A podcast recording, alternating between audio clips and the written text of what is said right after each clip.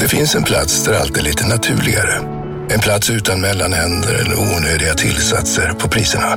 På NetOnNet är traditionen att plocka för hand direkt från lagerhyllan. Det är vad som krävs för att bli lagermärkt. NetOnNet, det naturliga sättet att handla hem elektronik. Radioplay.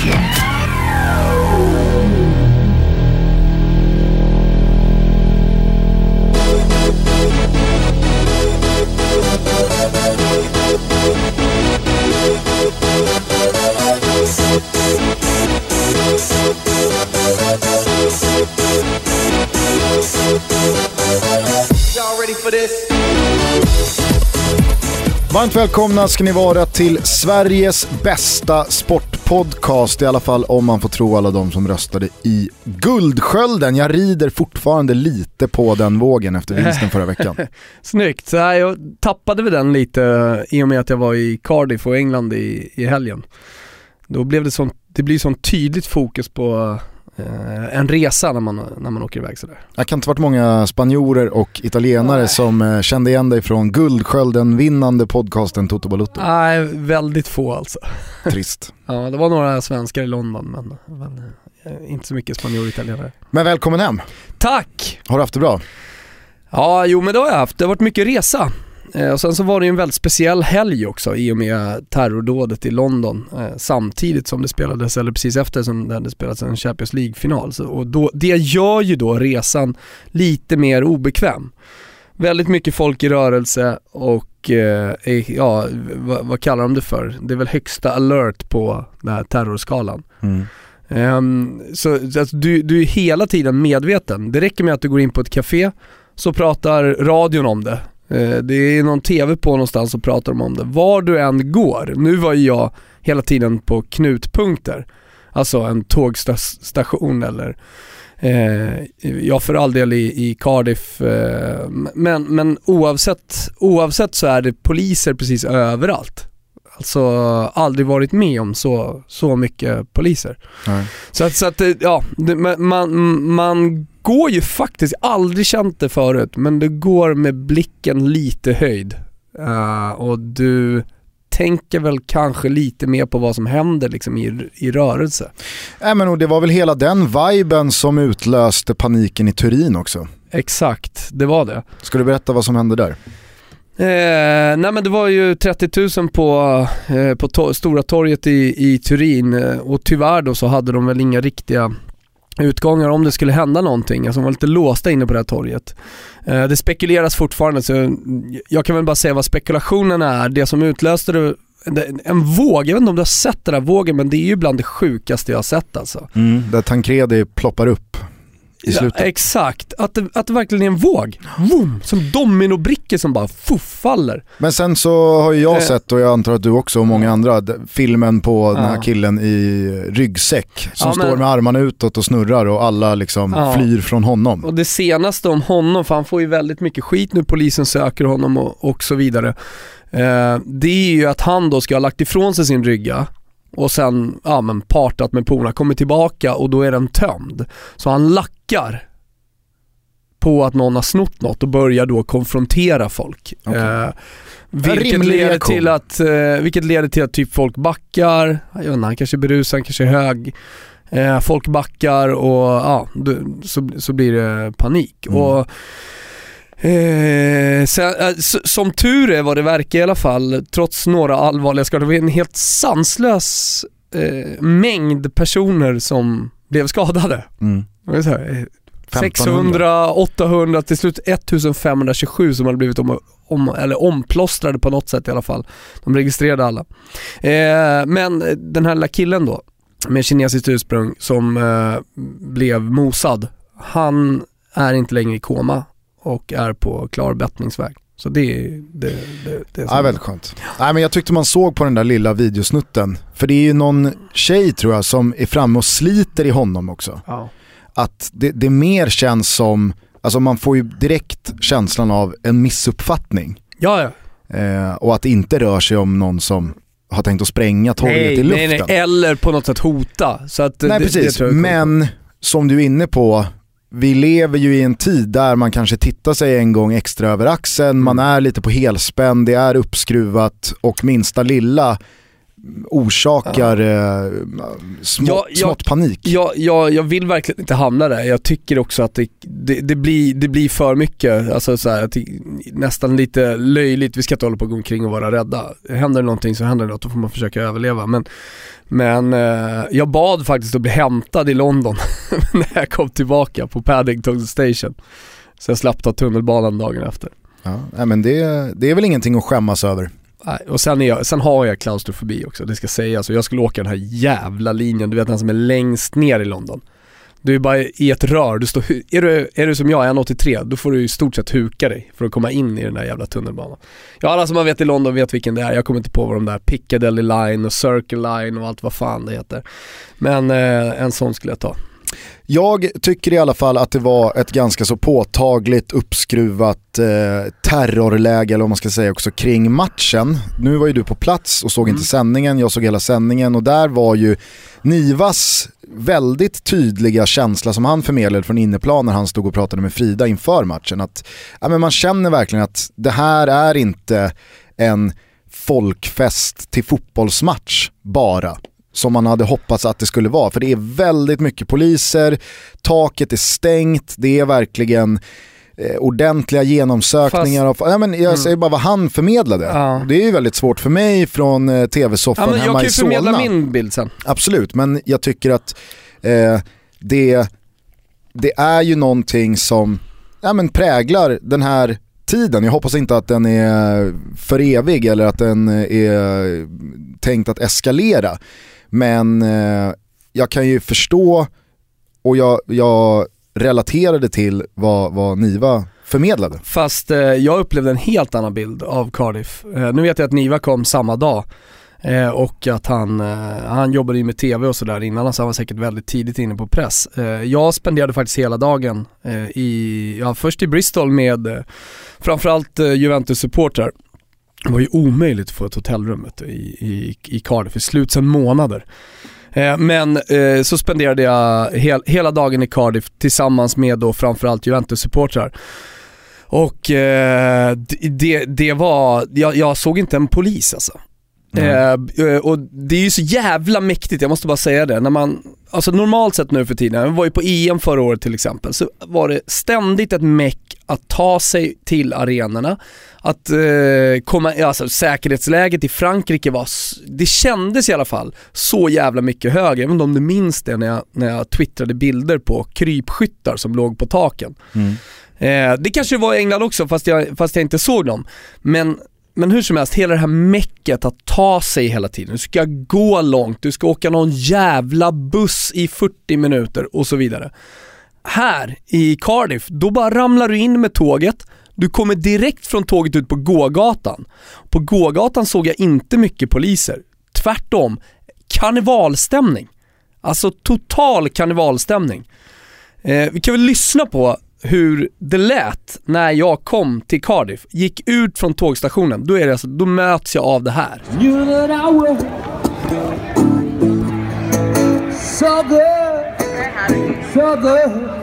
I got you. Och sen, man kanske hör lite här, doft i bakgrunden, olika sånger. Eh, det, det som sen är så mäktigt som jag inte hade rekat, det är att arenan ligger ju där. Den ligger ju precis där. Så jag tog liksom ett vänster ner och så bara oj shit, här ligger en arena för 75 000.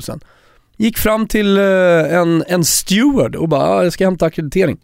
In. Kollade givetvis min väska, men det gör de för fan eh, överallt nu för tiden. Går på allsvenska matcher eller, eller vad, det, vad det nu är. Upplevde ingenting av den här hypen som du beskriver. Sen var jag Som ute... Niva beskrev. Ja, eh, ja precis. Det var lugnt i Solna. precis. Eh, nej men, och, och sen var jag på barhopping med Juve-fans. Och det, det, det, det, var ju bara mäktig liksom inför Champions League-finalstämning. Man brukar säga, ja men det här med att ta på stämningen och så. Verkligen. Du eh, lyckades ju också med din tidsplan vara en av få lyckliga som missade Black Eyed Peas igångsparkning av eh, det här balunset. Ja men jag bestämde... Maken till fiasko. Ja. Ja, Jag vet men- inte om du har sett någonting i efterhand, men det var Jo. ju alltså...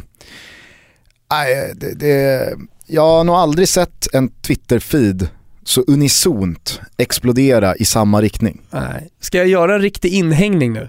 Jag vet inte vad Black Eyed Peas är. Black Eyed Peas vet vilka det är. Nej. Ingen aning. Kim, spela fyra sekunder av I got a feeling.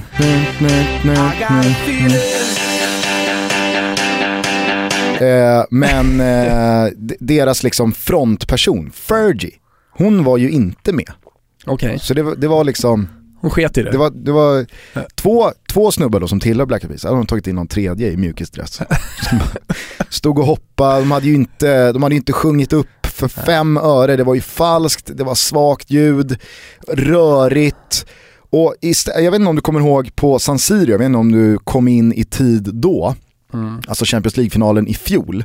Då körde ju Alicia Keys Ja. och hon hade ju i alla fall den goda smaken att liksom inte bränna av ett medley som Black Eyed Peas gjorde. De kände ju att det här är vår stund, efter några tunga år, nu kan vi komma tillbaks. Vi kör alla låtar. Äh, Det var väl sju låtar. Äh, det var så dåligt så att det var helt, helt otroligt alltså. Det är lite som när de svenska artisterna, de gamla som inte riktigt har varit med på länge, får chansen att vara med i Så mycket bättre. Så nu, nu är comebackens tid inne. Nu ska mina låtar leva vidare igen då. Och så lite Eh, större scen då. Ja, Men eh, nej, jag fick dåligt samvete för då, då, då twittrade jag, jag tyckte det var ganska fyndigt så att det är trist när terrorhot är på riktigt. Att då Black Eyed Peas var terroristattentatet. hur snabbt tog du bort den? Nej jag tog faktiskt aldrig bort den och jag fick inte någon Ah, skit okej. för det. För att Ja. sen så skedde ju det här tragiska i London eh, under sena kvällen sen. Det känd, alltså, vill, vill någon lacka på det, ja vad fan. Alltså, det, det var ett skämt, jag tyckte det var kul men sen så fick jag ju en liten klump i magen när jag vaknade på morgonen därefter.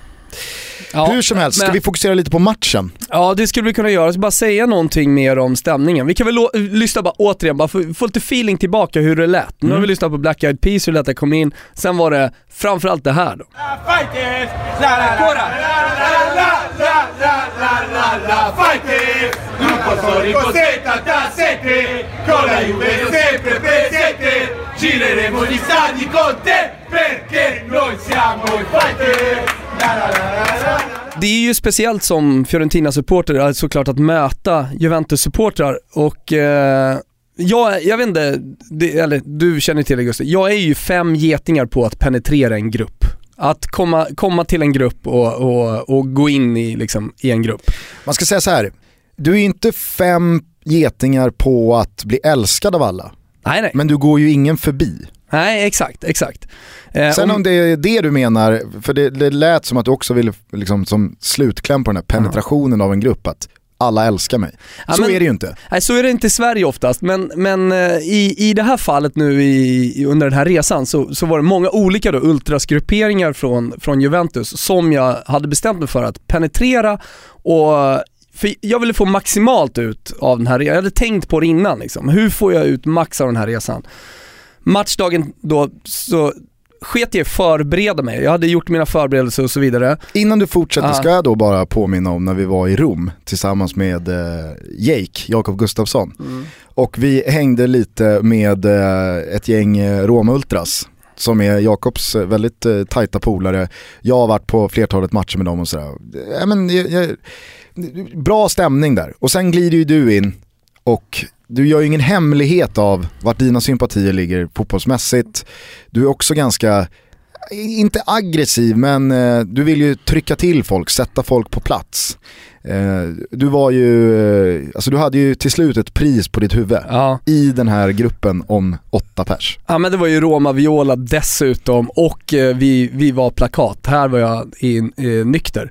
Eh, men eh, jag, jag var i alla fall ty- tydlig, respektfullt tydlig med att jag höll på Fiorentina. Varför? Eh, jo, för att de undrade varför i helvete liksom, pratar du italienska? För det, är- det är ju en av liksom, mina, mina stora styrkor och det kan jag rekommendera alla unga som lyssnar på det här. Alltså fan lär er språk alltså, för det blir någon, ja, du, du, du lär känna världen på ett helt annat sätt. Du kommer så jävla mycket närmare folk och, och livet blir så mycket roligare. Så lär er språk alltså. Det var ju kanske det man gick härifrån mest med förra veckan, efter vi hade suttit ner med Johanna. Alltså Ja. avundsjukan på hennes språkpalett. Ja men där känner jag ingen avundsjuka för där är jag på mer eller mindre samma, samma nivå. Nej. Nej, det är Jo. det inte. Det är Du pratar väl inte franska? Nej men jag, jag, jag tar mig runt i Frankrike, jag kan sitta Ta ner med sig Frans, runt? Frankrike. I, I Spanien, så, pr- alltså med spanjorerna pratar jag utan problem. Ja, det gör du säkert, men Och jag har dessutom tyskan. ska vi lyssna bara på vad, vilka språk Johanna räknade upp? Vilka språk behärskar du? Eh, svenska, engelska, franska, spanska, italienska. Alltså, jag snackar ju lite norsk då. Alltså, det är inte samma sak som att ta sig runt i Frankrike. Nej men hon, hon är ju på samma nivå på italienskan som jag är på franskan. Tror I alla fall ungefär samma, ja absolut. Det förutsätter det, eller vet du det? Det hörde jag bara, hon, hon öppnade munnen på italienskan och sa ciao tutti. Eh, men, men i alla fall när jag träffar italienare, och det här är inget skryt, jag bara ser liksom hur viktigt det är med språk, då, då, då tror ju de att jag är från Florens. Det har jag ju nämnt tidigare. Eh, och, och det är därför, så on point dialektmässigt. Ja, exakt. Eh, eh, sen kan jag prata liksom utan dialekt, men jag gör ofta det. Eh, I alla fall inledningsvis. Så Ska då- vi då- höra dig säga två meningar utan dialekt och med Okej, dialekt? Okej. Eh, vorrei betyder jag skulle vilja ha. Vorrei una Coca-Cola con una canuccia corta corta. Där har ni italienskan. Jag vill ha en cola med eh, ett kort, kort sugrör. På eh, Fiorentina, klassisk mening. Fiorentina blir det una hahala con la hanuccia hurta hurta holerata. Man pratar mer framåt liksom. Nej men och då blir frågan, är eh, du från Florens? Nej jag är, jag är, jag är svensk. Ah, vad fan händer här? Och sen så är man igång. Det, är en bra, det, det blir en bra öppning i en grupp. Eh, men jag måste säga det, vilken jä- alltså jag som då alltid eh, har varit anti-Juventino och sådär, jag har pratat om att det där, det här hatet har liksom försvunnit med tiden och, eh, och, och så. Eh, hur jävla, hur, hur likt allting är egentligen alltså. Alltså Juventus-supporterna, de är ju precis som Fiorentina-supporterna. Alltså man gör samma saker, sen är det olika kultur, man kommer från olika länder, man firar på, eller man, man sjunger upp på olika sätt. Men annars så, när jag, när jag liksom blundade för färgerna så kändes det ju som att jag var där med, eh, med Fiorentina-supportrar. Och så då, då kände jag också liksom för den här finalen på ett sätt. Det, det var ju smart av mig att gå in, eller hur? Med eh, den strategin. Väldigt självbelåten idag. Nej, det, är inte, det handlar inte om självbelåtenhet utan det Du handlar sa om... precis att det var väldigt smart av dig. Jo Och jag är men, väldigt bra på att penetrera Det- grupper. men för Jag att, tar mig runt i Frankrike. men det är för, det är ju för att jag vill eh, beskriva Alltså, hur, alltså den goda stämningen, hur jävla nice det var i Cardiff. Ja, det var jättebra. Och du får vara precis hur självbelåten du vill. Jag gillar ja, det. Ja, okej. Du tenderar att bli mer bjussig då. Ja. Eh, och därför så blev det så på tal om att jag missade Black Eyed Peas. Det slutade ju med att jag var utanför arenan eh, tills ja, men, de som inte hade biljett och kommit från Turin mer eller mindre slängde in mig på, eh, på, på stadion. Och så kom jag till, ja men ganska lagom till matchstart faktiskt. Hur många procentuellt uppskattar du eh, hade tagit sig från Madrid respektive Turin till Cardiff utan biljett? Oj, ja, det var nog eh, tusental i alla fall. Eh, Alltså Turin, Juventus är ju hela Italien. Folk, det var verkligen... Okej, från ja, Italien. Men, men, men ehm, Procentuellt? Ja, yes, nej procentuellt, de flesta hade nog biljett kanske, men säg att det var en 5% där av de totalt 30 000 eller 25-30 000. Mm. Man har ju en soft spot för dem. Ja verkligen. Alltså som tar sig till matchstaden i ett annat land utan biljett. Jag lyckades ju, som jag berättade om i podden, lösa 19 biljetter matchdag eh, till Europa League-finalen som jag delade ut då till Manchester United, olika Manchester United-supportrar. Så jag har ju en conne- connection då på Uefa. Slut, börja inte skicka mail till mig nu om, om biljetter och skit, för jag tänker inte utnyttja den här. Men, då är det en hotellägare Jag har ju en bra connection i Uefa. Ja men det är en ho- hotellägare då som jag träffar som äger eh, fem femstjärniga hotell i Bibione. Eh, och han har inte biljett. Så han säger, "Lö- löser du en ticket åt mig, då, då, då, då får du två veckor eh, betalt för familjen på femstjärnigt hotell i jul om du vill. Så då drar jag igång något sök. I slutändan, då är ju, alltså. Jag är väl 25% ifrån att ge min akkreditering till, till honom. Det samtalet till Expressens sportredaktion. De hade ju aldrig fått reda på det. Thomas, var är du? Jag, nu, nej, nu är det så här. det hade ju varit, fan jag missade byline. Och sen så, ni skriver vi från en bar bredvid. Ja. 25% Lyssna här nu ungdomar, det är så här det går till. Lär er ett språk och sen så eh, använd er akkreditering som eh, hävstång för att vinna femstjärniga semesterupplevelser i Bibione. Det finns fan ingenting i världen som slår att åka på en bortamatch i fotboll. Det är livet. Du, eh, nu fick vi lyssna till ganska bra stämning, men jag snappade upp att du fascinerades över Real Madrids otroligt korta ramser. Men nu låter det ju som, det var någon som blev lack på Twitter också, nu låter det som att jag rackar ner på Madrid-fansen. Man får tycka vad man vill om det, men det är fakta. Det är, det är vad jag upplevde på eh, tre dagar bland Madrid-fans i eh, Cardiff och i Bristol. Att ramserna, de, de går inte speciellt långt. Och jag vet inte, vi- men vi kan lyssna hur det lät på tåget.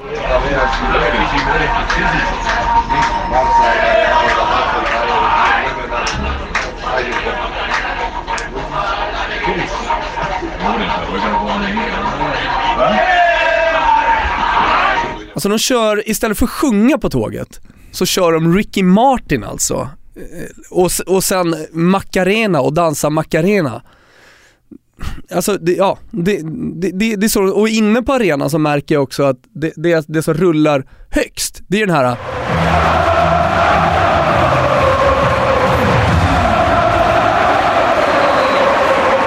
Och så kör man bara la la la la la la. Det är, ja. Den körde ju de även alltså på repeat. Jag vet inte om du såg några bilder från Santiago Bernabéu dagen efter. Det var ju ett firande av Guds nåde. Du vet hur vi har pratat om Tottis avsked. Hur avskalat och eh, värdigt det var och hur, hur passande det var för stunden. Precis på samma sätt så var ju det här passande för stunden. Firandet från Real Madrids håll inne på ett fullsatt Santiago Bernabéu.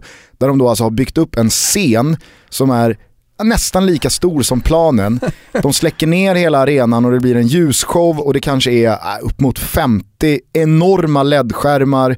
Det är liksom laserstrålar och sen så presenteras då alla spelare en efter en som kommer ut. Och då är det ju Seven Nation Army som bara rullar på repeat till varje spelare.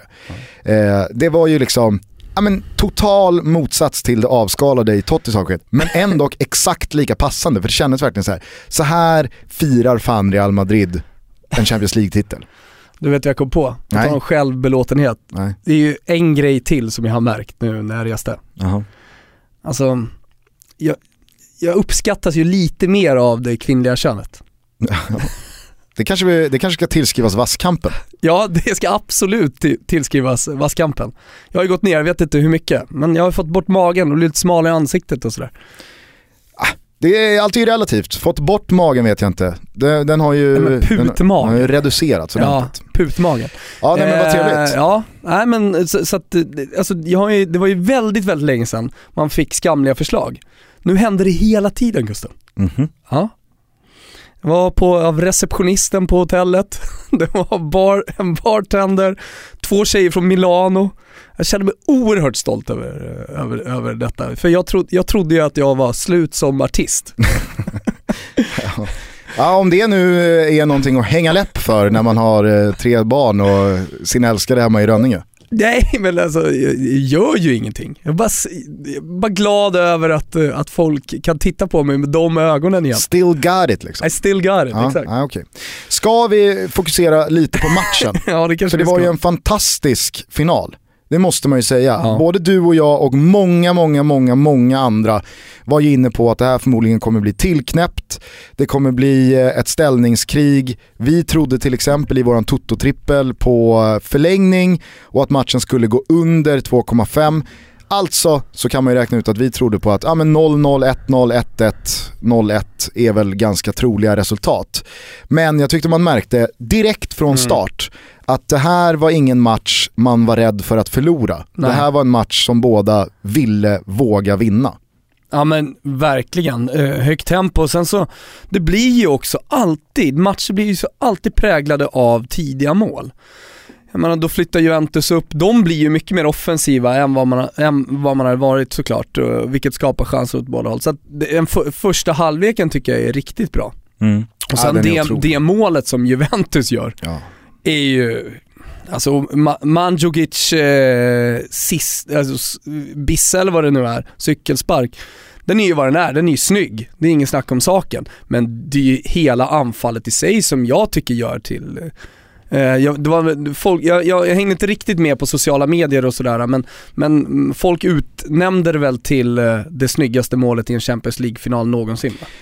Ja, vilket man nog ska passa sig för. För att eh, jag personligen håller ju Zinedine Zidans vänstervolley mot Leverkusen 02 som Ah, det är något speciellt över det målet, men det är klart att det är ett fantastiskt mål. Bollen är alltså i luften från att den lämnar Bonuccis fot och den vandrar mellan fyra spelare innan den trillar in i nätet bakom Med en Navas. cykelspark. Men eh, alltså, det, det var inte bara målet i sig där, utan jag tyckte matchen var verkligen en uppvisning i, som väldigt många också hade varit inne på, att det här var två värdiga finalister. Alltså det var säsongens två bästa lag som möttes. Och nu skrev siffrorna till 4-1, kanske lite stora i slutändan. Men eh, jag tycker inte att liksom, det, är- det är väl kanske svårt att, att säga så här i efterhand, men jag tycker inte att Juventus eh, behöver be om ursäkt för någonting. Alltså, det jag förväntade mig, det var att de snarare skulle dra ner på tempot, ställa sig ganska lågt och låsa den här matchen. Och vänta ut Real Madrid. Nu blev det ju inte så. Mycket beroende på det där tidiga målet från Ronaldo. Men det är ju alltså, deflection-mål är deflection-mål liksom. Alltså Casemiros 2-1. Nej, Den kan lika gärna smita utanför och så kanske är Juventus som gör 2-1 i anfallet efter. Jo. På tal om snygga mål så tycker jag 3-1 målet nästan är matchens snyggaste mål. Alltså, Nej det är det ju inte. nej men jag Det är ett snyggt mål men, men, men det är ju att vara jävligt Nytorgs hipster och tycka att det Ja. var snyggare än eh, Ja, men Juventus-målet. det är någonting med det målet som, alltså eh, Mandzukic mål, det är ju ett mål som bara sker i stunden av, ja, kanske inte Bonucci ska prisas för mycket för den där långbollen. Men det är Alltså, så många som många slå av de där prestationerna Ja, ja, som ja, ja, är... Det är fantastiskt och det sker, det är, alltså, så här, man det är blir en överraskad. kedja, Ja. det är en kedja av fantastiska prestationer. Och det är dessutom en kedja av överraskningar för du ser inte vad som ska hända. Men det som jag faller för i Ronaldos 3-1 mål, det är att när Modric vinner bollen i ytterzon och sätter upp den, jag vet inte om det är till Carvajal. Där, alltså när det sker, då ser jag vad som ska hända. Jo. Och ser jag vad som ska hända, jag ser att om fem sekunder så kommer bollen gå i mål i bortre burgaven. Och det kommer vara Ronaldo som gör det för att Modric kommer uppfatta att han ska slå den här snett inåt, blint. Och kan jag uppfatta det så är det klart att Juventus-spelarna också uppfattar det. Ändå så går det inte att försvara sig emot för det är så perfekt. Jo det går, det går, Nej, det nej. går att försvara sig mot. Det, Nej, det det, är väl inte. Chiellini som är emot Ronaldo. Eh, och den, där tycker jag att han är lite för passiv. Nej, jag, jag håller inte med. För att vinkeln in på Modric Han passning, ser den där hela tiden, han är lite passiv, det är lite såhär, jaha dök du upp där ändå? Nej, det- Det- det- han, han, han tappar lite koncentrationen i någon tion, tiondel vilket gör, jag säger inte att det är en försvarstabbe för det är jättebra gjort av Nej, Ronaldo. Så Men det sluta, där hade man prata kunnat om, stängt. Sluta prata om eh, vad Juventus-spelare hade kunnat göra Jo, de annorlunda. Det är ett perfekt mål. Det är ett det. Nej, perfekt men- mål. Ja. Ja, men det var ju det vi som var live då på matchen pratade om efter, när vi Okej. pratade om det målet. Härligt. Eh, nej, men, eh, vill, vill du delge oss något annat intryck från eh, matchen eller kvällen eller händelsen eller eh, hela eventet som var Champions League-finalen? Eh, det finns ju hur mycket som helst att prata om. Allt från det mäktiga att komma in på en arena som tar 75 000 med stängt tak, i det här fallet en arena inte som Friends då där ljudet dör, utan snarare då när, när taket är stängt, bara liksom ekar ännu mer. Eh, det, det var, ja men alla, alla, alla som har varit på stora matcher, alltså de stora derbyna vet det, här, med man, det ringer verkligen i öronen. Eh, det, det gjorde det liksom från minut ett här, för det var sånt jävla liv bara. Eh, till att komma upp längst ner och kolla upp mot pressläktaren och se, liksom, vad är det, vad är det, tusen, jag har ingen aning, med journalister bara som sitter. Eh, till alla nej men, så, möten, man, liksom kärleken som låg i luften var därför jag blev förvånad av att höra att det pratades om liksom, den rigorösa säkerheten. För jag, tyck, jag tyckte verkligen att man fick bort det. Engelsmännen, eh, organisatörerna gjorde det så jävla bra, nu är de från Wales då, men eh, de, de, de, gjorde det verkligen otroligt bra. Och sen, ja, men liksom allting som är runt en match också, efter så som jag sa, det var inte speciellt många som bodde i Cardiff. De skulle ta sig från, från Cardiff vidare.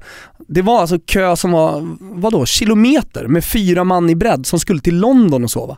När kom de ens hem? Fick de? Det är ett filtar. Står de där här, fortfarande? Ja men som, man, efter man har sprungit maraton, sådana här eh, foliefiltar liksom, som, som folk höll på sig med, barn som grät och, och sådär. Men, men det, det, det är någonstans slags slutgiltiga intrycket från hela resan tycker jag ändå var att, ja, men, så otroligt bra stämning. Jag läste ingenting, jag hörde, eller jag hörde om att det var någon slags fight, men alltså så här, Real Madrid-supporterna var ju bara liksom spanjorer och ville bara dansa och festa. Juventus, ja exakt, Juventus, uh, Juventus-fansen de, de, de, uh, de, de, var där för att sjunga liksom och, och dricka bärs. Så nej, jävla otroligt, otroligt uh, fin stämning och såklart någonting av det mäktigaste man har varit med om. Mm. Äh, och också otroligt, måste jag ändå understryka, välförtjänt seger för Real Madrid. Inte bara den här matchen utan också över hela säsongen. Jag tycker att de har varit otroligt bra. Eh, Ronaldo har ju stått för en Champions League-slutspelsvår som förmodligen kommer sakna motstycke mm. eh, om både 10 och 20 och 30 år. Men jag tänkte fråga dig så här för att då knyta ihop säcken i och med att du började det här med att då ringa ut att det var väldigt smart av dig att ta Juventus positioner och få känna de här känslorna. Att du nästan eh, gick in med eh, Juventini och liksom, Ja, men det lyckades jag ändå kasta, ja, ja, men det lyckades jag ändå kasta av en del när jag kom in. Sista frågan då, kände mm. du som jag när allt var över att det var ändå ganska gött att Juventus inte vann trippen? Alltså. Ja, men alltså, man kan ju prata om det här gött efterspel, de kommer ju prata om det här jämt. Men å andra sidan, det som händer då, det är ju att man ser ju alla interisti till exempel. Men, men det, det kan jag tycka var lite så respektlöst i efterhand. Det man håller på med då i Italien, det är ju liksom, ja, men, privatpersoner med mycket pengar köper annonssidor i lokala tidningar och tackar Real. Eh, alltså den här skadeglädjen gentemot Juventus är så jävla stor att det tar så mycket plats i sociala medier, men inte bara. Eh, så det, det, ja, men, låt, oss, låt oss säga då att jag blev så pass påverkad av att ha hängt med dem i två dagar och fick faktiskt kompisar som, ja men så här, vi kommer säkert höras. Men, eh, så, ja, ja, men du vet, jag är bara människa och jag är en, en människa med väldigt mycket känslor. Och känslorna hela tiden ute. Jag behöver inte alltid tänka tillbaka fem år eller, eller sådär. Utan just som jag kände där så tyckte jag synd om gubbarna, apelsinkastarna från Ivrea som hade kommit dit och liksom verkligen, du vet de pratade om Scaramanzia inför eh, någon nämnde ett resultat liksom, eller en gammal match, då liksom var det tio personer som bara oh, tyst för fan! Snacka inte om det där, det är vidskeplighet liksom, till 100%. Och eh, jag, jag, pratade med en om Gigi Buffon som liksom bara av att prata om hans karriär, eh, om den här matchen så fick han tårar i ögonen det, det låg mig närmast känslomässigt vad det gäller Juventus och därför, därför så kände jag då i så fall snarare med just de personerna att jag tyckte synd om dem. Ja, men då behöver ju inte det liksom eh, explicit betyda att du håller på andra italienska lag. Nej, för helvete. För menar, det, är ju, det, är ju, det är ju den mörkaste sidan there is. Ja. Alltså de som inte förstår att IFK Göteborg-supportrar, aik Djurgårdare, Hammarbyare, de som håller på Norrköping, Helsingborg, whatever. Alltså de som inte förstår att de inte sitter och håller på Malmö FF i Champions League-kval. Det är, det är bland det mest provocerande jag vet. Sen så kan folk som inte håller på något lag eller Mm. som kanske håller på ett lag men som tycker det är kul att det går, går bra för Malmö FF, alltså de får gärna göra det. Nu öppnar du ju Pandoras ask här med tanke på att alla verkligen, återigen som det ofta är, står på antingen den ena eller den andra sidan jävligt tydligt och det här diskuteras ju alltid Ja. när det är eh, den typen av matcher som Malmö i Champions League. Ja, men det blir ju då, alltså i, i, i de lägena. Och jag tycker bara att så här, kör på din egen grej, men låt folk få tycka och känna och tänka så- exakt vad ja. de vill. Jag pratade med en av killarna i, från, eh, i, i eh, en drogig grupp eh, som jag hamnade med precis innan matchen om eh, eh, 04, vad var det? 04-05, Fiorentina-Juventus i Coppa Italia. Pazzini gör mål, Borsinov gör mål, det blir 2-2, men vad minns man den matchen från? Jo, det är att det blir bråk, folk går ut från arenan, Juventus-supporterna och, och Fiorentina-supporterna. Och vi möts, alltså öga mot öga. Och jag är då jag, jag är min ultrastid, jag, min grupp är en av de första som går ut. Är du fem getingar på att penetrera Juventus-fraktionen? Ja, det, där, I det läget är jag säkerligen en överkorsad geting. Jag är inte mycket att ha eh, i, i ett sånt läge. Men jag hamnar i alla fall liksom i det man säger första led mot Juventus-supporterna. Ja, du känns inte som någon som står eh, i bakre led och slänger en flaska. Nej, inte, inte i det liksom berusade tillståndet jag var i då. Eh, och sen så kommer det tårgasgranater som smäller och eh, det blir så här rusningar och jag hamnar till slut inne på arenan. Men när jag pratade med eh, en av de killarna så var han en av dem i första led där. Och att vi ändå kunde prata med varandra precis innan en sån här viktig match. Det, ja men, fan det tar jag ändå med mig också. Mm. Ja, det är jätte, jätte Sen hade härligt. han också gått vidare, han har också två barn. Eh, han, han levde sitt supportskap lite på ett annat sätt numera också. Inte så våldsbejakande och, och, och aggressiv sådär som, som man, man var när man var lite yngre. Mm.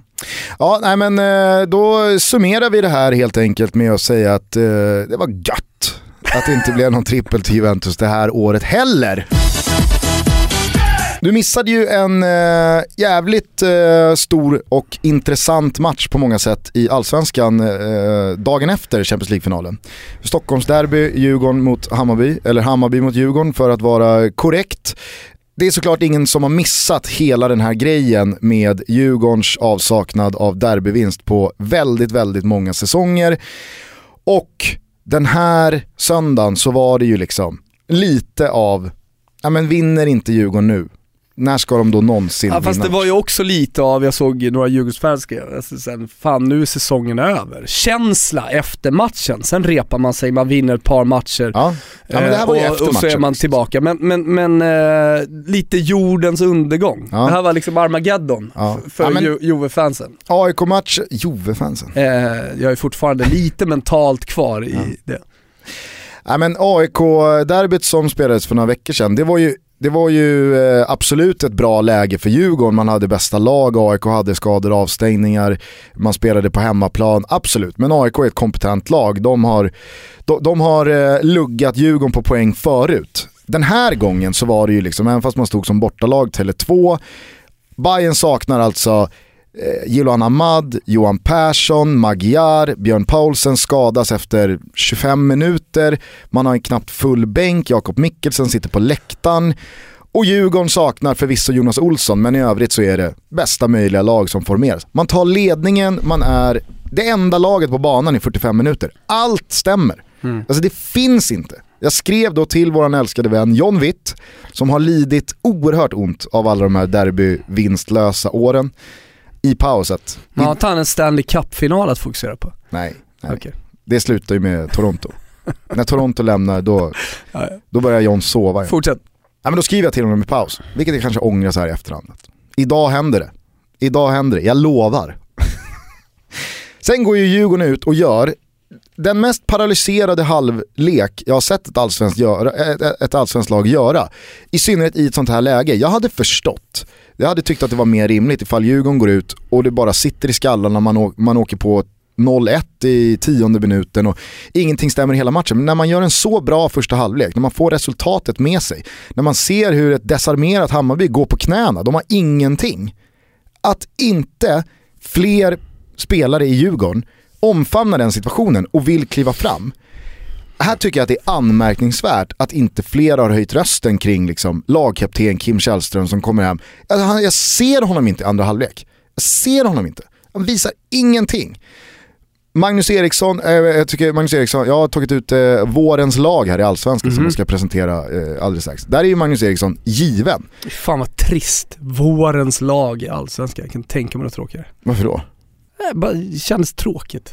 Mange försvinner. Mm. Ehm, Ja men de viker ner sig, det är någon slags så här kollektiv kollaps, mental kollaps i den andra halvleken och jag tror också att när målet kommer, kvitteringsmålet, så känner man bara nej vad fan är det som händer nu då? ja, Liksom, och, och sen går inte benen, ingenting funkar, passningarna sitter inte. Det, det, det, är ju det, det är ju det enda sättet att förklara det på. Och problemet blir ju för Djurgården, alltså efter att eh, Öskan har kommit in och valt att attackera den här ganska delikata situationen som uppstått med alla de här derbyvinstlösa säsongerna i ryggsäcken. Att det finns inget jävla spöke, jag lovar att vi kommer vinna ett derby. Nu har ju två av fyra livliner bränts, det har blivit två torsk. Och hela den inställningen inifrån spär ju bara på allting när det nu kommer ytterligare en förlust. Alltså det här har ju gått så långt, jag, jag, jag, vet att det här inte är representativt för alla Djurgårdssupportrar, absolut. Men du vet när man ser djurgårdare självmant lägga upp på sociala medier en bild på Mufasa och Simba när de tittar ut över sitt rike.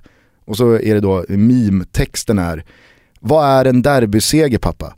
Jag vet inte, vi är djurgårdare. Alltså när, när, när det har nått Nej, den här liksom eh, självironiska lågvattenpunkten, att man till och med har gett upp. Mm. Alltså det, det, det måste vara så vidrigt att man har hamnat i den här onda spiralen och det tycks ju inte finnas något jävla slut. Sen vet jag också att det är fotboll vi håller på med. Det är klart att Djurgården kommer vinna ett derby snart igen. Men Snart. allt är relativt. Mm. Men du fattar vad jag menar. Det är klart att det, one of these days Ja, så ja. kommer ju Djurgården ta sin seger. Men det är det, det, det är en alltså riktigt jävla kommer... prekär situation de hamnat i. Jag vet inte Ja. om du såg bilden efteråt. Mats Solheim tar ju en jävla Jo. position efter. Han Jo. springer då ut på läktaren, hämtar en spökmask och börjar fira på inneplan och liksom kör ju, äh, han går ju all in. Mm. Ja, ja, ja, men alltså det tycker jag säger någonting om liksom hur stort ett eh, derby är och hur mycket det ändå på, eller framförallt hur mycket det påverkar spelarna. Man brukar ju prata om det inför, nej, men vi fokuserar på vårt, eh, ens egen individuella uppgift eh, i matchen och man brukar ofta säga att nej, men känslan liksom, det lägger vi bort sådär. Det tycker jag det är den nya professionella, moderna fotbollsspelarens standardfras fras inför, inför de här matcherna. Eh, men, men Solheims eh, dans med mask på eh, inneplan, det är ju beviset på att det här verkligen sitter i spelarna och det kanske också är beviset på att Djurgården, eller förklaringen till att Djurgården viker ner sig också, att de känner för mycket. De läser, eller läser, men, men, men de, de har tagit till sig eh, den, den alltså situationen som råder så mycket att de i andra halvlek förlorar den här matchen. Mm. Det tror jag. Och där, och där kan man säkert göra saker som tränare. Alltså där kan man, jag, jag tror inte att man som, eh, som coach ska gå in med ledarinställningen att piska upp det här, att tagga igång utav helvete. För jag kan verkligen se Öskan stå och gorma. Nu viker vi inte ner oss i en jävla närkamp, nu är det derby gubbar och vi ska fan vinna det här. Du vet, det- det. Jag tror snarare att man ska, man ska som ledare gå in med en liksom li- lite mer Zidane-inställning till matcherna. Ja fast å andra sidan så försökte ju Pelle vet du Olsson vad man med det. säger om Zidane? Jag vet vad Peppe säger. Vad säger Peppe? Jag föredrog Rafa Benitez. Ja. Han är ju ensam i Benitez-båten Peppe. Ja. Jävlar. Det- Jävlar vad han sitter och öser ur vatten där. Du, Det- men du såg det, för att Peppe Ja. är nu klar för PSG, kittat på två år och eh, i då förkunnandet av det här så var han ju väldigt tydlig med att jag, var jag förstår inte riktigt eh, vad, vad, vad all eh, praise kring Zidane handlar om.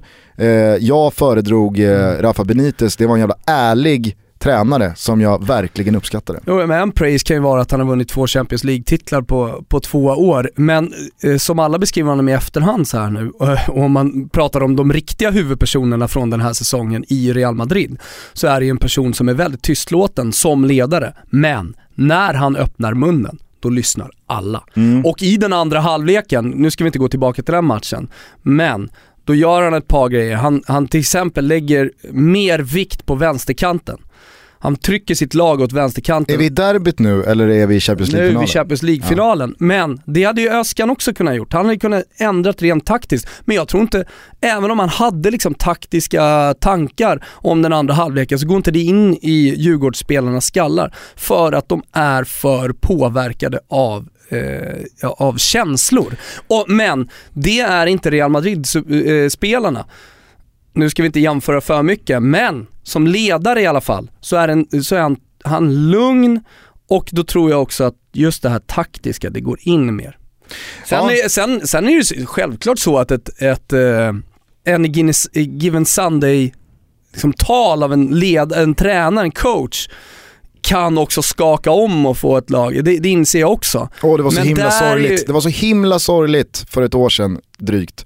När Allan Kuhn i eh, en kort intervju i Offside berättade vad, vad han liksom har för, för knep som ledare. Jag brukar visa talet från Braveheart i Att han inte ens har ett eget då, liksom, att han är den... Eh, Är det kanske värt att påminna om när vår älskade utrikeskorrespondent Danne Larsson nere i Spanien, kommer inte ihåg om det var Valladolid, eller Valladolid, i Granada, ja det var i Valladolid. När deras då spanska tränare också tog till det här Allan Kuhn-knepet och köra Braveheart-talet på en TV inrullad i eh, omklädningsrummet, fast dubbat på spanska. Så lät det så här. y al morir en vuestro lecho, dentro de muchos años, no estaréis dispuestos a cambiar.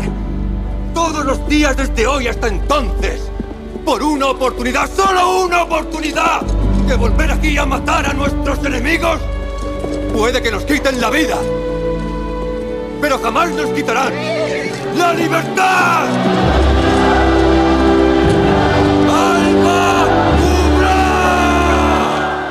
Och då, Men och vet, du vad han borde, vet, du vad han borde, vet du vad han borde ha kört? Han borde ha kört Livorno-varianten på det, som Ja. låter så här. ¡Pisa merda!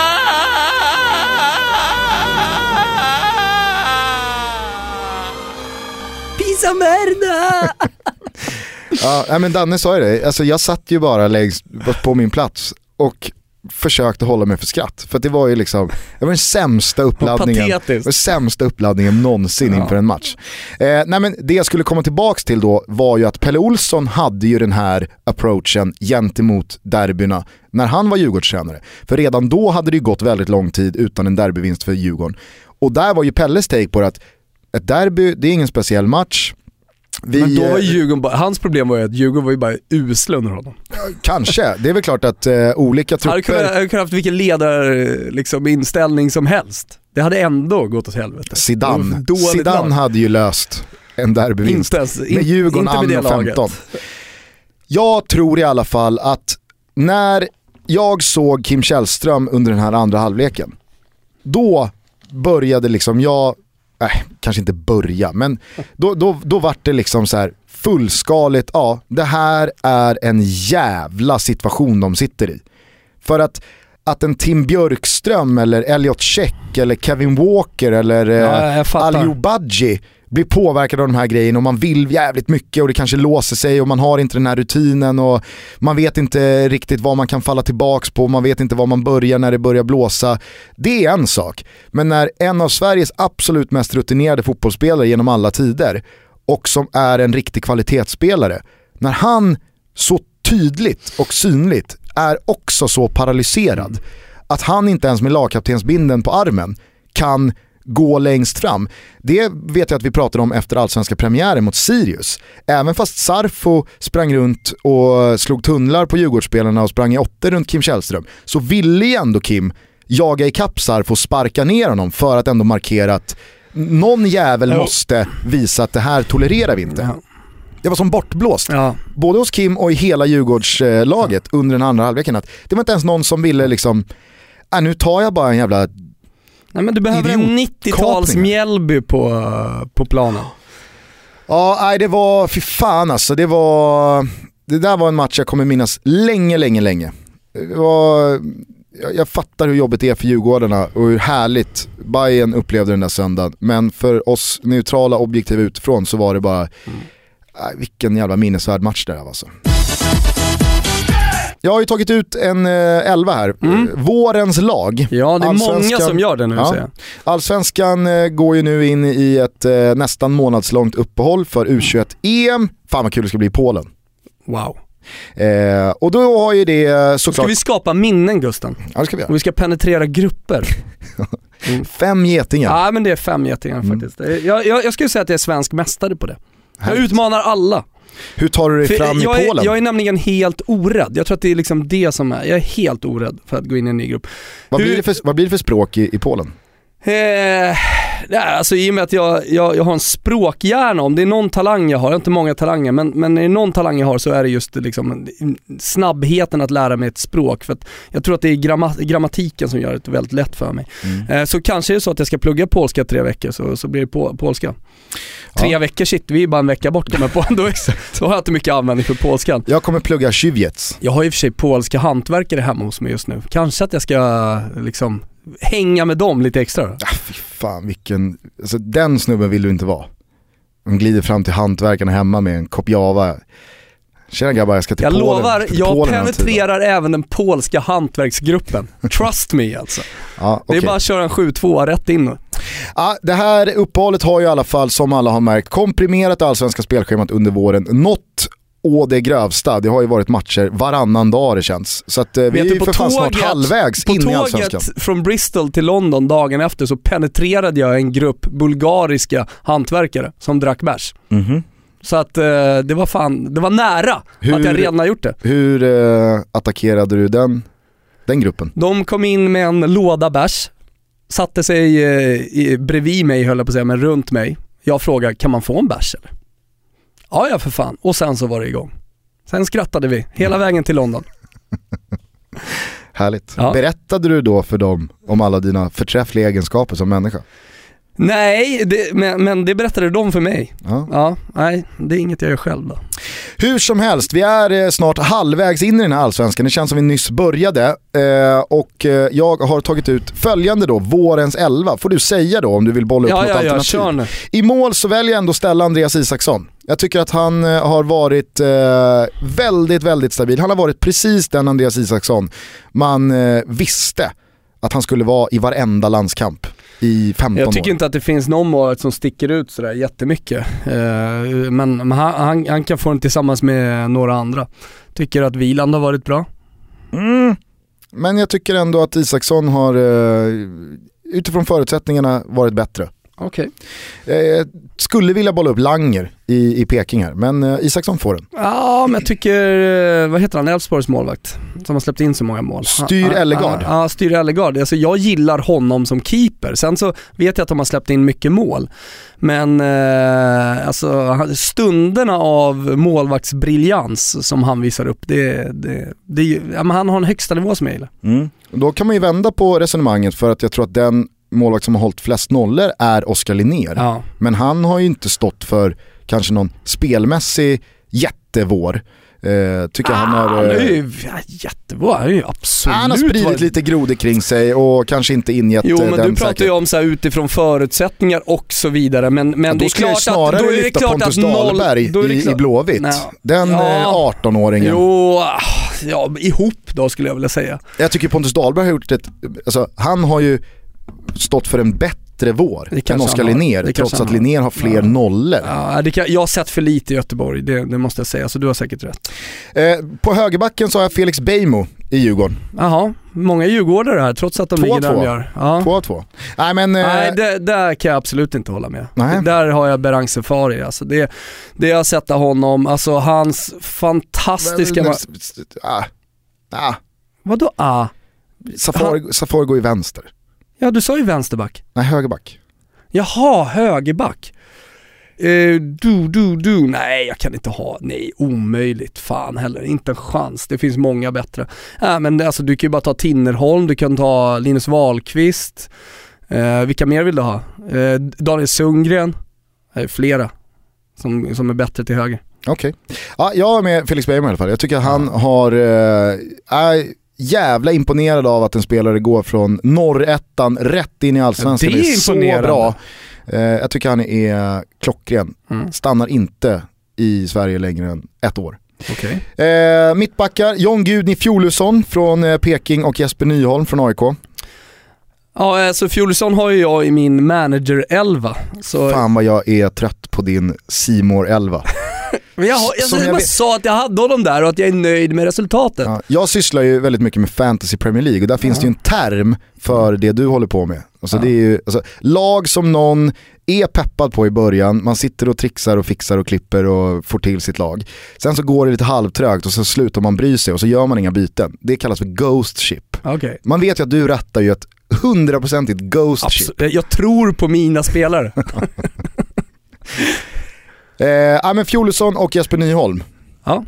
Jesper Nyholm, där kan man ju säga samma sak då som har kommit Ah. från lägre divisioner rätt in i allsvenskan och varit eh, fantastisk. ja, han började dessutom på bänken.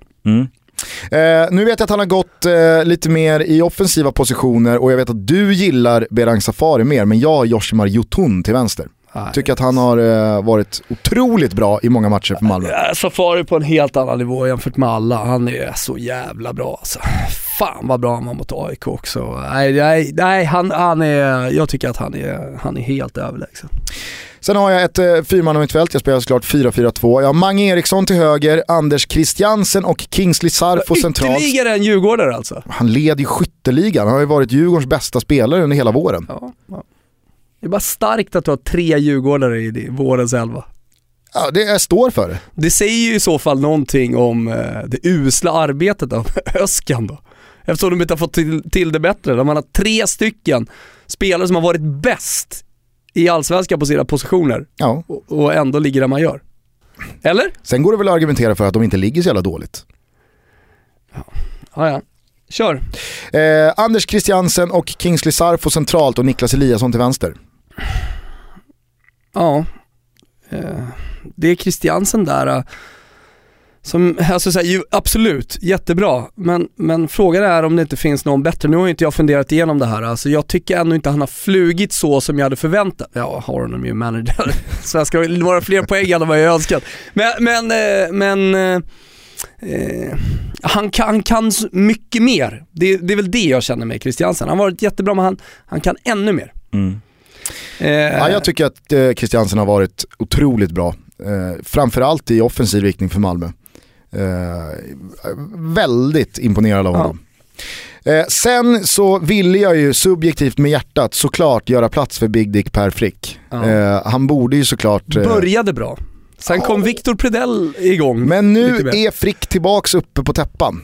Ja, har ju stått för ett par bra insatser här mot slutet Mm. och det är som många vet en spelare som ligger mig oerhört varmt om hjärtat. Vi fick för övrigt mail från Per Fricks farsa eh, i dagarna här som gratulerade till Guldskölden. Älskar Mm. Tack. att vi är på mailnivå med Per Fricks farsa. tack. Pappa Frick. Men Perra tar sig inte in i vårens elva utan där på topp så återfinns Marcus Rosenberg och Björn Paulsen. Nej, Paulsen har jag Skogshuggan från absolut- Södermalm. Nej, han är absolut inte med. Det, det kan jag liksom inte förstå. Däremot så här, Marcus Rosenberg Men man kan ju eh, inte är bara lite gå som med Berang Safari. Alltså, han, han är också på en helt annan nivå. Fast man kan ju inte bara gå på spelares individuella högsta nivå. Jag tycker inte heller att Björn Paulsen är en av allsvenskans två bästa forwards. Jag hade inte plockat Nej, jag tycker Björn... inte hans vår har varit, vi pratar om hans vår, det är väl väldigt enkelt. Han har ju varit otrolig. Nej, han har inte, Lyft, han har varit... bort, lyft bort Björn Paulsen ur det här Bayern så ligger ju de han på varit- nedflyttningsplats. Jo, han har varit bra, men det är klart anfallet som har varit bättre. Herregud. En Björn Paulsen, han har varit jättebra. Björ, bolla upp en. Ja, Cibicki. Jättebra i 4-5 omgångar. Ja, Eero Markkanen. Nej. Jag skojar bara. Nej men Ja, Sivic, ja, Sivic alltså, jag, jag har att som liksom sagt här, inte tänkt igenom det här Han tog laget, ju alla med storm, fyra, fem omgångar, helt fantastisk, gjorde väl fyra plus tre på fem omgångar. Sen dess har han varit kall alltså. Nja, kall, fel, ur, lite ur positionen men eh, ja, ja, ja. Eh, det var det. Vi får, vi får se vad folket säger om eh, din, din elva. Det är mer intressant, vet du vad? Det är mycket mer intressant att höra vad lyssnarna tycker om din elva Mm. än mig kommentera. Men du noterar att Kim Källström inte är med i min vårens elva. Vadå, han ska ju inte vara med i någon elva? Han är så given i så många vårens lag jag har sett. Ja. Jaha. Och det, Ja, ja. det tycker jag är, nej, Ja, ja, alla får tycka vad de vill. Det, det tycker inte jag. Nej det tycker inte jag heller. Och vill ni Det hade eh, varit magstarkt upp, eh, om du hade fått med en fjärde djurgårdare också i, i, i den här elvan. Ja. Nej men Gustav Engvall, om han hade fortsatt avgjort derbyt och så vidare, då hade väl han varit eh, liksom mer given. Han har gjort ett par mål till på slutet, hade väl varit mer given än Paulsen väl? Ja, Ja, han men nu är det en hypotes. Ja. Ja. Perfekt står ju startklar vid, eh, vid sidlinjen. För att täcka upp här för någon på topp. Nej men gör så att Perfekt. i eh, hashtag Min, min Toto manager 11. Ja det är klart. Ja. Gör så att ni under Rosenberg, hashtag, jajamän. Du har ju fan räknat upp hela min 11 här. Eller? det är ju nu du avslutar med att berätta att du har kaptensbindeln på Björn Paulsen. Nej, det har jag faktiskt inte. Är, han går ju som försvarare i manager 11 så det är många som har dragit in feta poäng på pausen. Ja. Nej, men, eh, fyll på med era vårens elver om ni vill under hashtag Toto så kan vi ju jämföra här hur man tänker och tycker och känner. Eh, jag står för min elva, jag tycker att eh, den, är, den är genomtänkt, den, eh, den, är, den är bra, den är balanserad, framförallt så är det Vad säger 4-4-2. Nej, men jag tycker den, den är bra. Ja. Den är, den är jävligt bra. Det är landslagsfokus nu. Det är inte så mycket i detta Toto Balotto, men det ska bli landslagsfokus, eller hur Gusten? För det är Sverige mot Frankrike. Fan vad fett det är. Verkligen, och sen så stundar ju som sagt ett U21-EM där många har haft mycket att säga om eh, truppen som togs ut. Eh, personligen så tycker jag att eh, Håkan Eriksson eh, gör ett litet misstag som lämnar Erdal Rakip hemma. Gillar honom skarpt. Jag tycker ändå, det, det som jag tycker är intressant i efterhand när man diskuterar är ju kommentarerna, för han var ju ganska givmild och generös med att prata om de spelarna som inte hade kommit med. Och jag tycker att han gör det på ett sånt bra sätt, Håkan Eriksson. Alltså på, på också på ett värdigt och respektfullt sätt gentemot spelarna. Som när han pratar med Alexander Isak till exempel så, så säger han, men jag har varit nere i Dortmund, träffat Alexander, och vi har en jättebra dialog, jag förklarar för honom hur det ligger till. Och han förstår det även om han självklart tycker att jag gör fel. Mm. Eh, och jag tycker att han pratar ungefär på samma sätt om eh, Erdal Rakip i det här läget. Eh, jag, jag, jag hyllar ändå Håkan Erikssons, alltså det, det är inte helt lätt för det är ganska jämnt kvalitetsmässigt.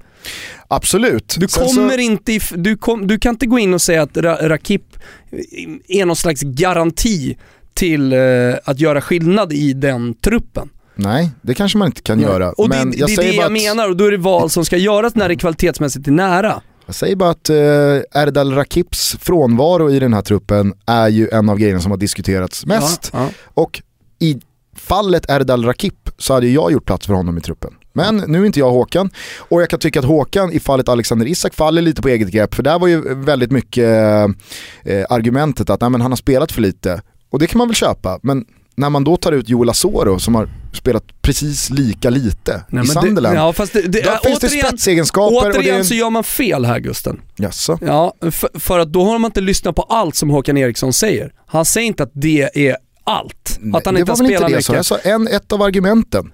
Jo men det- ett av argumenten, precis som att det är ett av argumenten till att Joel Asoro var nära på att missa också. Det är ju helhetsbedömningen, det är positions, alltså positionsspelare, hur han tänker sig liksom, hur ska jag använda mig av den här spelaren? Jag tror att Joel Det, Asoro, det blir, ja, men det, det Joel blir Asoro för snabbhet. ytligt att, ba, att bara säga, här tycker jag att han faller på eget grepp. Det, det gör han inte. Han har en motivering till båda de besluten och det är, tycker jag, jättebra motiveringar. Okej. Jag eh, är i alla fall en eh, stor supporter av att ha med rollspelare, det vet vi Ja. sen innan. Eh, och jag tycker mig eh, identifiera att Joel Asoro är kanske för den svenska u truppen i snabbhet vad Peter Crouch var för engelska mästerskapstrupper i längd. Han är ju i snabbhet för mer, en bättre jämförelse är ju att han är utrikeskorrespondenten i eh, Akishar. Ja. Det är ju snabbheten man vill ha va? Men samtidigt så tror jag inte att. Danne är, eh, alltså, det är ju, han är ju byggsten. Det är ju själva fundamentet ja, ja, ja. i eh, Håkans jävla succélag. Eh, nej men eh, superspännande med truppen vi kommer få anledning att återkomma till det. Vi ska ju ner till Polen med en skön styrka på 22 pers om eh, lite, ja, om 10 dagar. Ja. Eh, men innan dess, som du var inne på, Sverige-Frankrike, jävla deppig match däremellan alltså sen med Norge. Ja. Jävlar vad folk bara vill gå på semester. Ja. Alltså man vet ju, om det nu skulle vara så väl att vi kanske får med oss poäng eller rent av slår Frankrike. Förstå, eller kanske ännu mer om man åker på dyngdänget med 4-0. Ladda om då för Norge. Ja, men ingen kommer ju ladda om. Det kommer ju vara liksom låg energiträningar. Få Är det jobba. möjligtvis Dannes chans? Borde vara. Dyngtorsk mot eh, Frankrike. Alla checkar ut. Alla börjar få känningar i vaden. Ja. Vi står utan Fast, anfallare. jag, fast, fast jag, nästan att man får känningar i vaden ännu mer av en vinst. Ja men det är det jag menar. Oavsett hur det går mot Frankrike Ja, så är ju spelarna utcheckade mentalt Mm. när den slutvisslan går. Mm. Och då ska man åka och möta, man vet ju också hur Lagerbäck har preppat ja. för den här matchen. Han ska ju gå på knock. Han ska slå Sverige. Ja. Nej men eh, vad tänker du inför Frankrike-matchen då? Ja, men det, gruppkänslan, alltså de, de positiva vindarna som ändå blåser samtidigt som man har en rädsla för att Frankrike ska vara så jävla bra som de bara kan vara och, och liksom ja, men slå undan benen för oss och, och ta bort en del av det här stora hoppet som man ändå har byggt upp, fått eh, efter eh, den, den inledande tiden med Jan Andersson som förbundskapten. Eh, så, så att det finns en rädsla Parallellt då också samtidigt. med Hollands Ja men eh, precis. kräftgång. Exakt. Det tycker jag är det sjukaste, att Hollands usla inledning på det här kvalet har ju gett Sverige något att förlora. Ja Ja men exakt, och, det, nej, men så att man, jag går in med en positiv känsla, man, man tycker att det ska bli roligt, landslagsfotboll är kul igen och det förstärks ytterligare av att det är ett u mästerskap som kommer, tror jag. Eh, att man känner att vi ska dessutom ner och, ihop med en, en stor grupp svenskar. Ja, men alltså den här rädslan som bara ligger och, och gror igen eh, med, med den franska högsta nivån som finns där. Mm. Nej, men som sagt, jag, jag, jag, jag känner att med Hollands uteblivna resultat, Sveriges position i tabellen, så har det ju blivit lite så att det som borde vara, vi har allt att vinna mot Frankrike. Ja. Lite som man kände i höstas. Ja. Att vi gör en jättebra match, vi torskar, men vad fan. Ja. Det, det, vi skulle inte göra något annat. Nu har ju det snarare förbytts mot att, ja alltså torsk här, Hollands vinst då, mm, nej. Så man snarare börjar liksom hoppas på ställ 10 man runt boxen, Mm. grisa till 0-0 så länge det bara går. Mm. För att vi, vi måste ha en pinne. Mm. Så borde det ju inte vara. Nej. I synnerhet med den matchen man gjorde i höstas på eh, Stade de France. Att liksom, ja men Sverige visade ju att det går att rubba det här. Jo men sen, sen är det också så här att eh, det- det, är sommar, eh, folk kan ta ledigt hela fredagen, eh, Friends är utsålt, nationalarenan är utsålt sedan länge. Alltså det gör ju att den här matchen har någonting extra. Eh, just de här sommarmatcherna gillar man ju lite extra. Ja verkligen. Ja, det blir eh, en otrolig eh, fredagskväll. Jag hoppas på en lika jävla elektrisk insats som man gjorde i höstas alltså. Eh, Mm. och så hoppas vi på att alla checkar ut efter slutvisslan och att samtalet då går till Monaco. Kommer Danne befinna sig i när, när det Asså. då ska flygas hem för träningsmatch mot, mot Norge. Mm. Eh, du, ska vi bara avsluta med att eh, beröra den bottenlösa tragedi som är Sheikh Teotes plötsliga död igår. Mm. Vad, vad, vad kände du när du nåddes av det där beskedet? Jag skrev det på vår Instagram, att vi pratade ju om det här bara för någon månad sedan. Att det känns så länge sedan en spelare på elitnivå faktiskt dog. Ja. Och att det kändes som att man har kommit så långt och att, att alla de här. Mark Vivian Foé Ja. och Miklos Feher. Att man hittar och, alltså som, som de, deras dödsfall ledde ändå till något bra. Mm. Jo men... eh, Att alla klubbar blev mycket noggrannare Precis. med att Som upptäcka det här i tid. där Och, man hittade hjärtfelet Ja. tidigt på honom. eller Kamara i Norrköping, att ja, men vi, har, vi har hittat det här, vi kan inte låta dig Nej. fortsätta spela liksom. Nej. Och hur tragiskt det än det är så, så är det ju ändå, liksom, man har kommit några steg längre.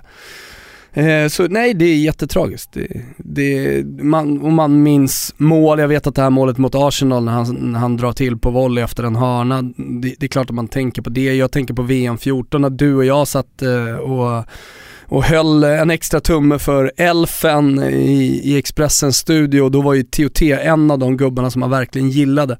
I, vilka då? Elfen som är? Elefanterna. Elefanterna ja. Eh, ja, nej så det, det är ju alltid så oerhört tragiskt. Så, Och sen så, kanske några har missat det, men också att, att det ska liksom toppas av med att hans fru eller fästmö Ah, väntar nej. barn i veckan. Och, Nej, man, or, man orkar inte helt enkelt. Nej, det är så oerhört tragiskt alltså. Mm. Eh, vad, vad, vad hjälper liksom vila i frid? Ja. Men Nej, å andra det sidan, vad ska man säga liksom? Det är, nej usch. Ta vara på livet. TOT, Ta vara på livet, man vet fan aldrig när det tar slut. grupper och lär er språk. Mm.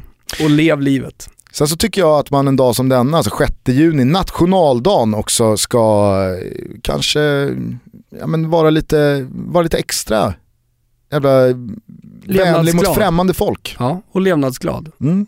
Gå ut och, och möt eh, din nästa med eh, kärlek och värme. Efter att ha lyssnat på Toto Balotto. Exakt.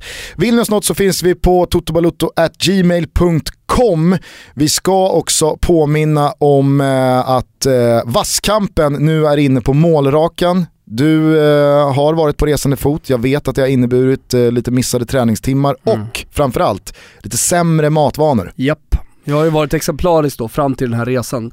Eh, det gav ju dig en möjlighet att komma ikapp för jag är ganska säker på att jag rent kilomässigt låg, eh, låg i ett ganska kraftigt övertag innan jag åkte. Jag är inte så säker på att det är så längre. Du ser också väldigt smärt ut.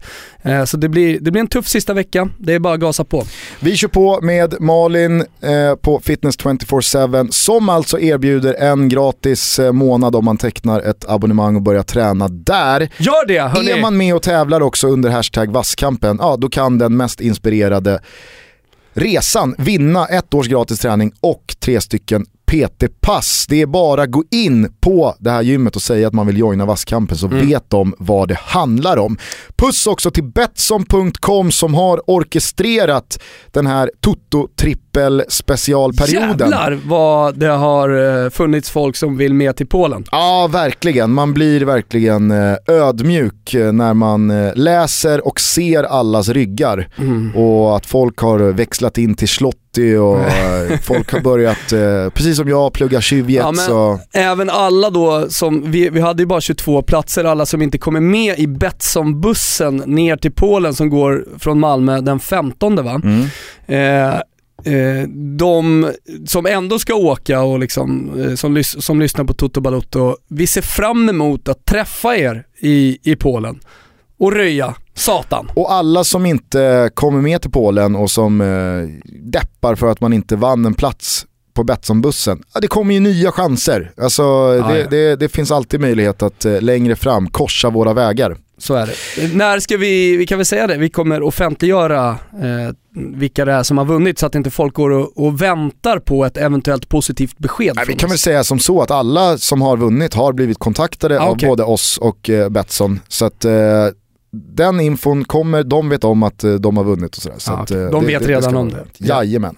Eh, det är dock ruskigt knapphändig info vi sitter på. Jag kan inte svara på en fråga. När åker vi från Malmö? Jag har ingen aning. Vet ens Jag Betsson? har ingen aning. Det enda jag vet att det är en riktig jävla bra frukost som ska dukas upp. Jag ska, jag ska gå ut och ringa Top Dog Jag ska- Raoul på Betsson nu och säga vi måste göra någonting bra av frukosten. Jag, jag ska ha en ljummen polsk bärs till frukost, det är det enda jag ska ha. Ja.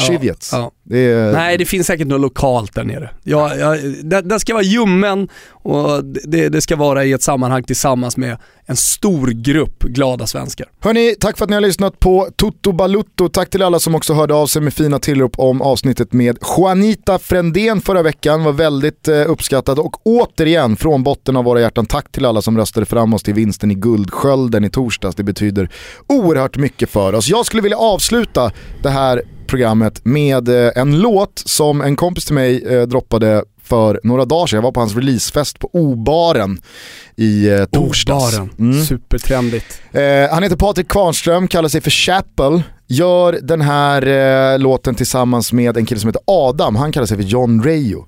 Eh, låten heter Tillbaka till dig och jag hoppas att eh, jag kan dra mitt lilla strå till stacken till att det här blir en jävla sommarbanger, för det är han värd. Vet du vad som är ga- en garanterad sommarbanger? Toto Balutski, för vi kommer köra på, det ska ni veta, någon har undrat. Vi kör på hela sommaren med högt tempo och eh, med en jävla livsglädje. Det var någon som skrev till, till oss igår, vad händer nu när ligan är slut? ja, Toto Balutto! det blir Toto Balutto.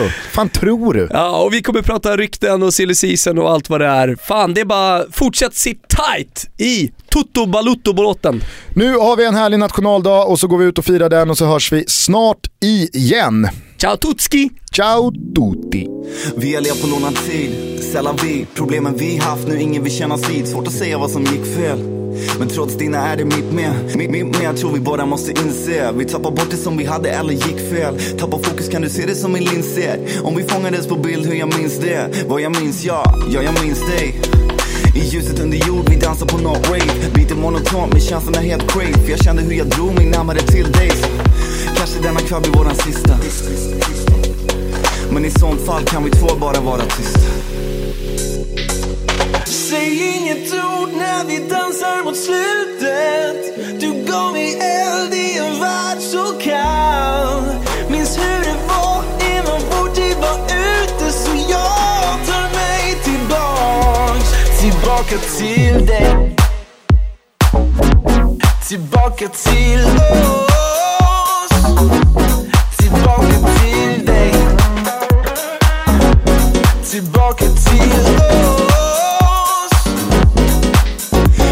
Jag mig på en öl Pass på dina vänner som var i på MR Du och jag dansar Ja du och jag chansar Fann någonting bara två i varandra Med dig temperaturen bara steg Men nu för tiden det känns som något har gått fel För den faller rätt snabbt Ingen sommar här längre Inget svett alls mellan kroppar här längre Tycker vi borde prata Jag säger om vad? Dina känslor Har du dem kvar? Om jag älskar dig Har du något svar? Och om inte Har jag något val? Vi kan väl låtsas som det regnar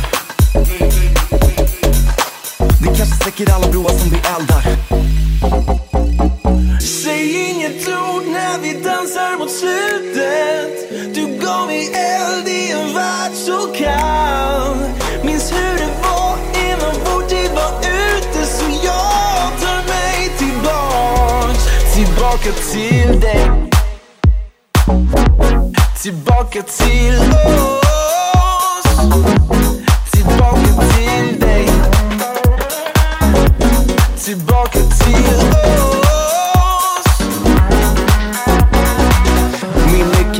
ditt lås Din dörr gick in och blev vår. Vårt hem, två namn på en dörr. En säng, en natt blev ett år Nu står vi här där allt börjar Vi möts i samma ridå Lovar du mig att ge hundra Säg om du vill, det kan gå. Säg inget ord när vi dansar mot slutet. Du gav mig eld i en värld så kall. Minns hur det var innan vår tid var ute Så jag tar mig tillbaks Tillbaka till dig Tillbaka till oss Tillbaka till dig Tillbaka till